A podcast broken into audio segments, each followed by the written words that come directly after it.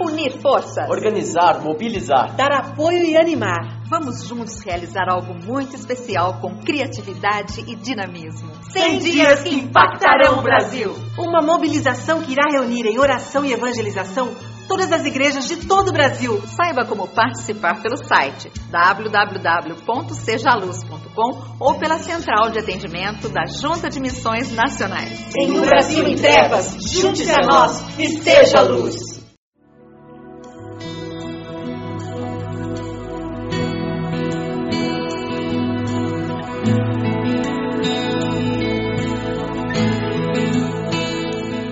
Agora mais um Sementes do Amor de Deus, um programa da Igreja Batista do Bacaxeri, em Curitiba. Quando você vê esse texto de Isaías 55, daí você entende o que Deus tem em mente quando ele fala sobre essa transformação da nossa mente, da nossa percepção de realidade e como isso vai afetar o restante. Isaías 55, a partir do versículo 1. Venham todos vocês que estão com sede, venham às águas, e vocês que não possuem dinheiro algum, venham, comprem e comam. Venham, comprem vinho e leite sem dinheiro e sem custo. Por que gastar dinheiro naquilo que não é pão e o seu trabalho árduo naquilo que não satisfaz? Escutem, escutem-me. E comam o que é bom, e a alma de vocês se deliciará com a mais fina refeição. Deem-me ouvidos e venham a mim, ouçam-me para que sua alma viva. Farei uma aliança eterna com vocês, minha fidelidade prometida a Davi. Vejam, eu fiz uma testemunha aos povos, um líder e governante dos povos. Com certeza, você convocará nações que você não conhece. E nações que não o conhecem se apressarão até você, por causa do Senhor, o seu Deus, o Santo de Israel, pois ele lhe concedeu esplendor. Busquem o Senhor enquanto é possível achá-lo. Clamem por ele enquanto está perto. Que o ímpio abandone o seu caminho, o homem mau os seus pensamentos.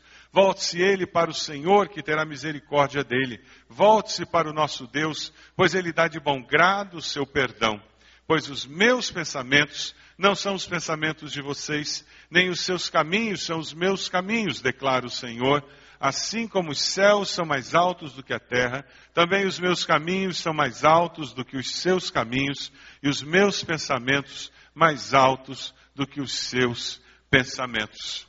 Deus nos enxerga de uma maneira muito especial. Deus enxerga os nossos vizinhos de uma forma especial. Quando você leva um jornal e entrega para eles, você está começando a vê-los como Deus os vê, como pessoas que têm um potencial e que precisam de transformação. Quando você olha aqueles colegas do trabalho e você fala do amor de Deus a eles, você está vendo aqueles colegas como Deus os vê, como pessoas que têm um potencial tremendo de experimentar uma transformação pelo amor de Deus. Quando você abre a sua Bíblia e você procura conhecer mais a Deus e se expõe ao poder do Espírito Santo, você está se vendo como Deus o vê, como alguém que tem um potencial de transformação e que pode experimentar isso. E quando Deus reúne pessoas que conseguem se ver e ver a sociedade como Ele a vê, esse grupo que se chama igreja tem um potencial tremendo de promover transformação nessa sociedade.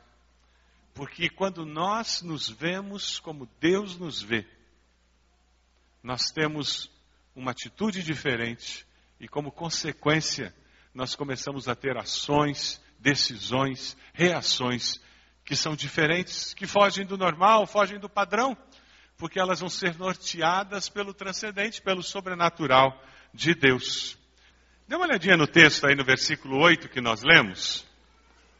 O desafio de hoje cedo que Deus entrega a nós é justamente esse, pois os meus pensamentos não são os pensamentos de vocês, nem os meus caminhos, seus caminhos são os meus caminhos, declara o Senhor. Deus vê as pessoas, vê as circunstâncias, vê o planeta Terra, vê você e a mim de uma forma diferente. Se nós aprendermos a ver as pessoas, as circunstâncias da vida, como Deus vê as pessoas e as circunstâncias da vida, nós vamos ter uma atitude diferente. E nós vamos conseguir viver de uma forma diferente e colher resultados diferentes. Ao invés de nos desesperarmos com uma enfermidade, Nós vamos encontrar conforto no meio da enfermidade, confiança no poder de Deus que pode curar a enfermidade e certeza de que não caminharemos sozinho durante a enfermidade. Isso é ver a enfermidade como Deus a vê e não como simplesmente nós humanos a vemos. Se nós, como igreja, temos uma percepção da vida como Deus tem, aí nós vamos nos enxergar como igreja transformadora. Uma igreja que promove transformação. Uma igreja que ouve a chamada de Deus e promove transformação. Promove relacionamentos saudáveis entre as pessoas e entre as pessoas e Deus. Isaías 55, de 1 a 3, a chamada de Deus é muito clara. Venham todos. E Deus nos chama para fazer algo impossível: comprar sem dinheiro. Esse é o sonho de qualquer consumista: comprar sem dinheiro. Mas quando você é chamado por Deus, você é chamado para viver uma experiência que é sobrenatural. É uma experiência que transcende as limitações humanas, que é mais do que nós humanos conseguiríamos fazer. Porque é Deus quem faz. Quando nós ouvimos a chamada de Deus e entendemos que Deus pode promover transformação nos nossos relacionamentos, aí nós começamos a fazer o que? A ter expectativas diferentes. Nós nos relacionamos esperando o melhor do outro. Ou melhor ainda, nós nos relacionamos esperando o melhor de nós. Eu vou conseguir perdoar, eu vou conseguir abençoar, eu vou conseguir agir diferente, independente de como o outro haja. Deus deseja fazer uma aliança conosco, uma aliança para que nós consigamos viver assim. Ele quer fazer uma aliança com você para que você consiga viver assim. Deus quer fazer uma aliança com cada um de nós para que nós promovamos transformação na nossa casa, lá no ambiente de trabalho, na escola, para que nós sejamos testemunhas que promovem essa transformação. Veja o versículo 4 e 5 do texto.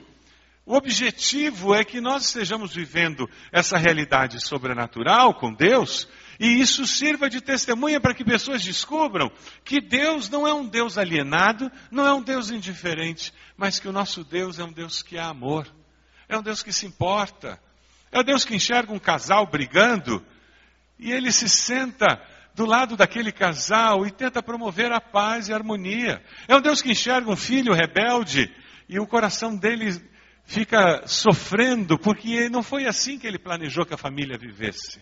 Um Deus que enxerga um pai e uma mãe que não consegue compreender os seus filhos e ele vê o sofrimento no meio da família e o coração dele chora porque ele tem um projeto diferente para aquela família. É um Deus que vê amigos traindo um ao outro, amigos brigando, vê um ambiente de trabalho ruim e ele diz: Eu quero transformar isso. Ser testemunha a todos os povos, é levar essa palavra de esperança de que é possível viver em harmonia. Como você tem respondido ao chamado de Deus de ser alguém que promove paz, harmonia, lá na sua casa, lá no seu ambiente de trabalho, lá na escola? Como você tem respondido esse chamado de Deus? Você tem se relacionado com pessoas que não conhecem o amor de Deus e repartido desse amor com essas pessoas? E colocado esperança no coração delas, para que elas possam dar espaço para Deus colocar o seu amor no coração delas? Uma igreja que promove transformação. É uma igreja que experimenta transformação. Nós estamos falando de algo que nós vivemos. Nós não estamos falando de teoria. Nós estamos falando de algo que nós experimentamos na nossa casa. Nós experimentamos no nosso coração. Veja lá o versículo 6. Busquem o Senhor enquanto é possível achá-lo. Clamem por ele enquanto está perto. É porque nós buscamos ao Senhor e o encontramos que nós queremos que outras pessoas encontrem. E é muito mais do que ter religião. É um relacionamento com esse Deus vivo. É uma oportunidade para experimentar essa relação com Deus. A vida é cheia de estações. A vida é cheia de oportunidades que passam por nós. E dificilmente essas oportunidades voltam. Você tem aproveitado as oportunidades? Alguém que experimentou essa transformação de Deus é alguém que está olhando a vida, as circunstâncias, as oportunidades como Deus a vê. E quando olha aquela oportunidade no trabalho de fazer mais um curso para poder crescer profissionalmente, você não deixa passar essa oportunidade, mas você aproveita. Você não fica na sua zona de conforto, dizendo, ah, eu não vou fazer, mais tarde eu faço. Mas você aproveita agora a oportunidade. E você procura crescer, e você quer fazer o melhor, e você procura estudar, e você faz aquele curso porque você quer fazer o que você faz com excelência. Você não vai continuar fazendo o que você faz profissionalmente como há 10 anos você faz. Porque o mercado de trabalho não dura 10 anos fazendo tudo do mesmo jeito. E você não quer ser obsoleto profissionalmente. Alguém que vê a vida como Deus a vê, enxerga o mercado de trabalho desse jeito. E aproveita as oportunidades que Deus coloca diante de si. E aproveita essas oportunidades pedindo ajuda de Deus. Oportunidades para restaurar relacionamentos. Oportunidade para conviver. Ah, aquele pai que não espera os filhos crescerem para descobrir que perdeu a infância dos filhos. Não, ele aproveita a infância dos filhos para conviver com eles. E ele aproveita a adolescência, a juventude, ele aproveita a vida adulta dos filhos e em cada momento da vida ele aproveita para conviver e construir relacionamentos sólidos, para escrever uma história da família. Famílias saudáveis que veem a vida como Deus a vê. E as oportunidades não são desperdiçadas. Quem busca a Deus vê a vida como Deus a vê. Quem busca a Deus, experimenta o gosto pela vida e a vive intensamente. Foi isso que Jesus disse. Que nós viveríamos e viveríamos a vida abundante, a vida completa. E sabe, uma igreja formada por pessoas que buscam a Deus e vivem essa vida intensamente e que conseguem perceber, ter uma visão transformada da vida, é uma igreja que promove a transformação da sociedade, porque as pessoas dessa igreja foram transformadas. Ah, irmãos, quem vê a vida como Deus a vê, quem vê a vida de forma transformada, porque foi transformado pelo poder do Espírito, vê a vida de forma diferente e promove transformação, porque as pessoas começam a ser transformadas pela percepção de Deus. Uma igreja transformadora é aquela igreja que é relevante. Filipenses 1:6 nos fala sobre discipulado contínuo, esse crescimento contínuo que nós como igreja devemos experimentar. Filipenses 1:6 Estou convencido de que aquele que começou boa obra em vocês vai completá-la até o dia de Cristo Jesus. Essa é a grande mensagem que nós temos como igreja. Deus começou uma obra em nós e ele vai continuar até o dia de Cristo Jesus. Você sabe que Jesus volta de duas maneiras, né? Ele volta na minha morte ou ele volta naquele dia em que todo olho verá e toda língua confessará que Jesus é o Senhor. Ou quando eu morrer, ou quando ele voltar nas nuvens para buscar todos aqueles que creem. Mas sabe, esse processo de discipulado é contínuo. É por isso que nós vivemos estudando a Bíblia, porque a nossa transformação de mente acontece aqui. Arrependimento é uma palavra que vem do grego metanoia, que quer dizer mudança de mente mudança de atitude. E isso só acontece com a palavra. É por isso que nós estudamos a palavra. A minha pergunta é se você tem gasto tempo com essa palavra. Se você tem estudado essa palavra. Se você tem investido tempo para que Deus possa usar a palavra para mudar a sua percepção da vida, a sua maneira de ver a vida. O nosso desafio hoje é nos perguntarmos se nós somos pessoas que estão investindo no desenvolvimento da dimensão relacional nossa com Deus e com o próximo. Qual vai ser sua resposta hoje ao desafio de Deus? Eu queria desafiá-lo e meu desafio é para que você esteja olhando para dentro do seu coração e respondendo para você mesmo, você tem conseguido manter uma relação saudável com Deus? Uma busca diária de Deus, uma comunhão com Deus. Você tem conseguido gastar tempo para que o teu relacionamento com Deus seja um relacionamento saudável?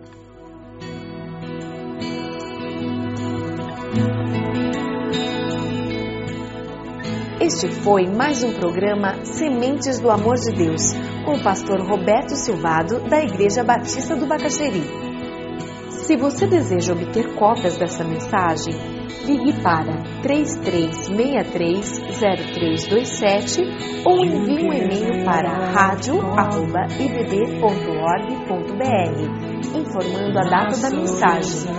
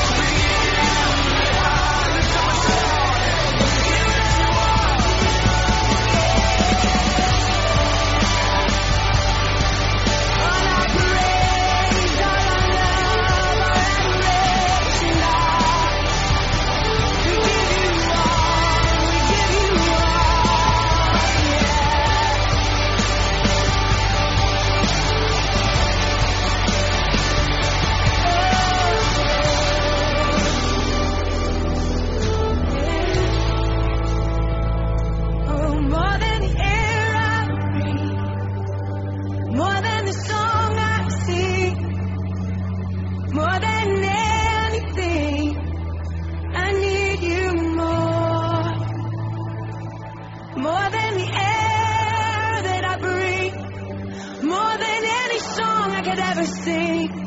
Oh, so much more than anything. I need you more.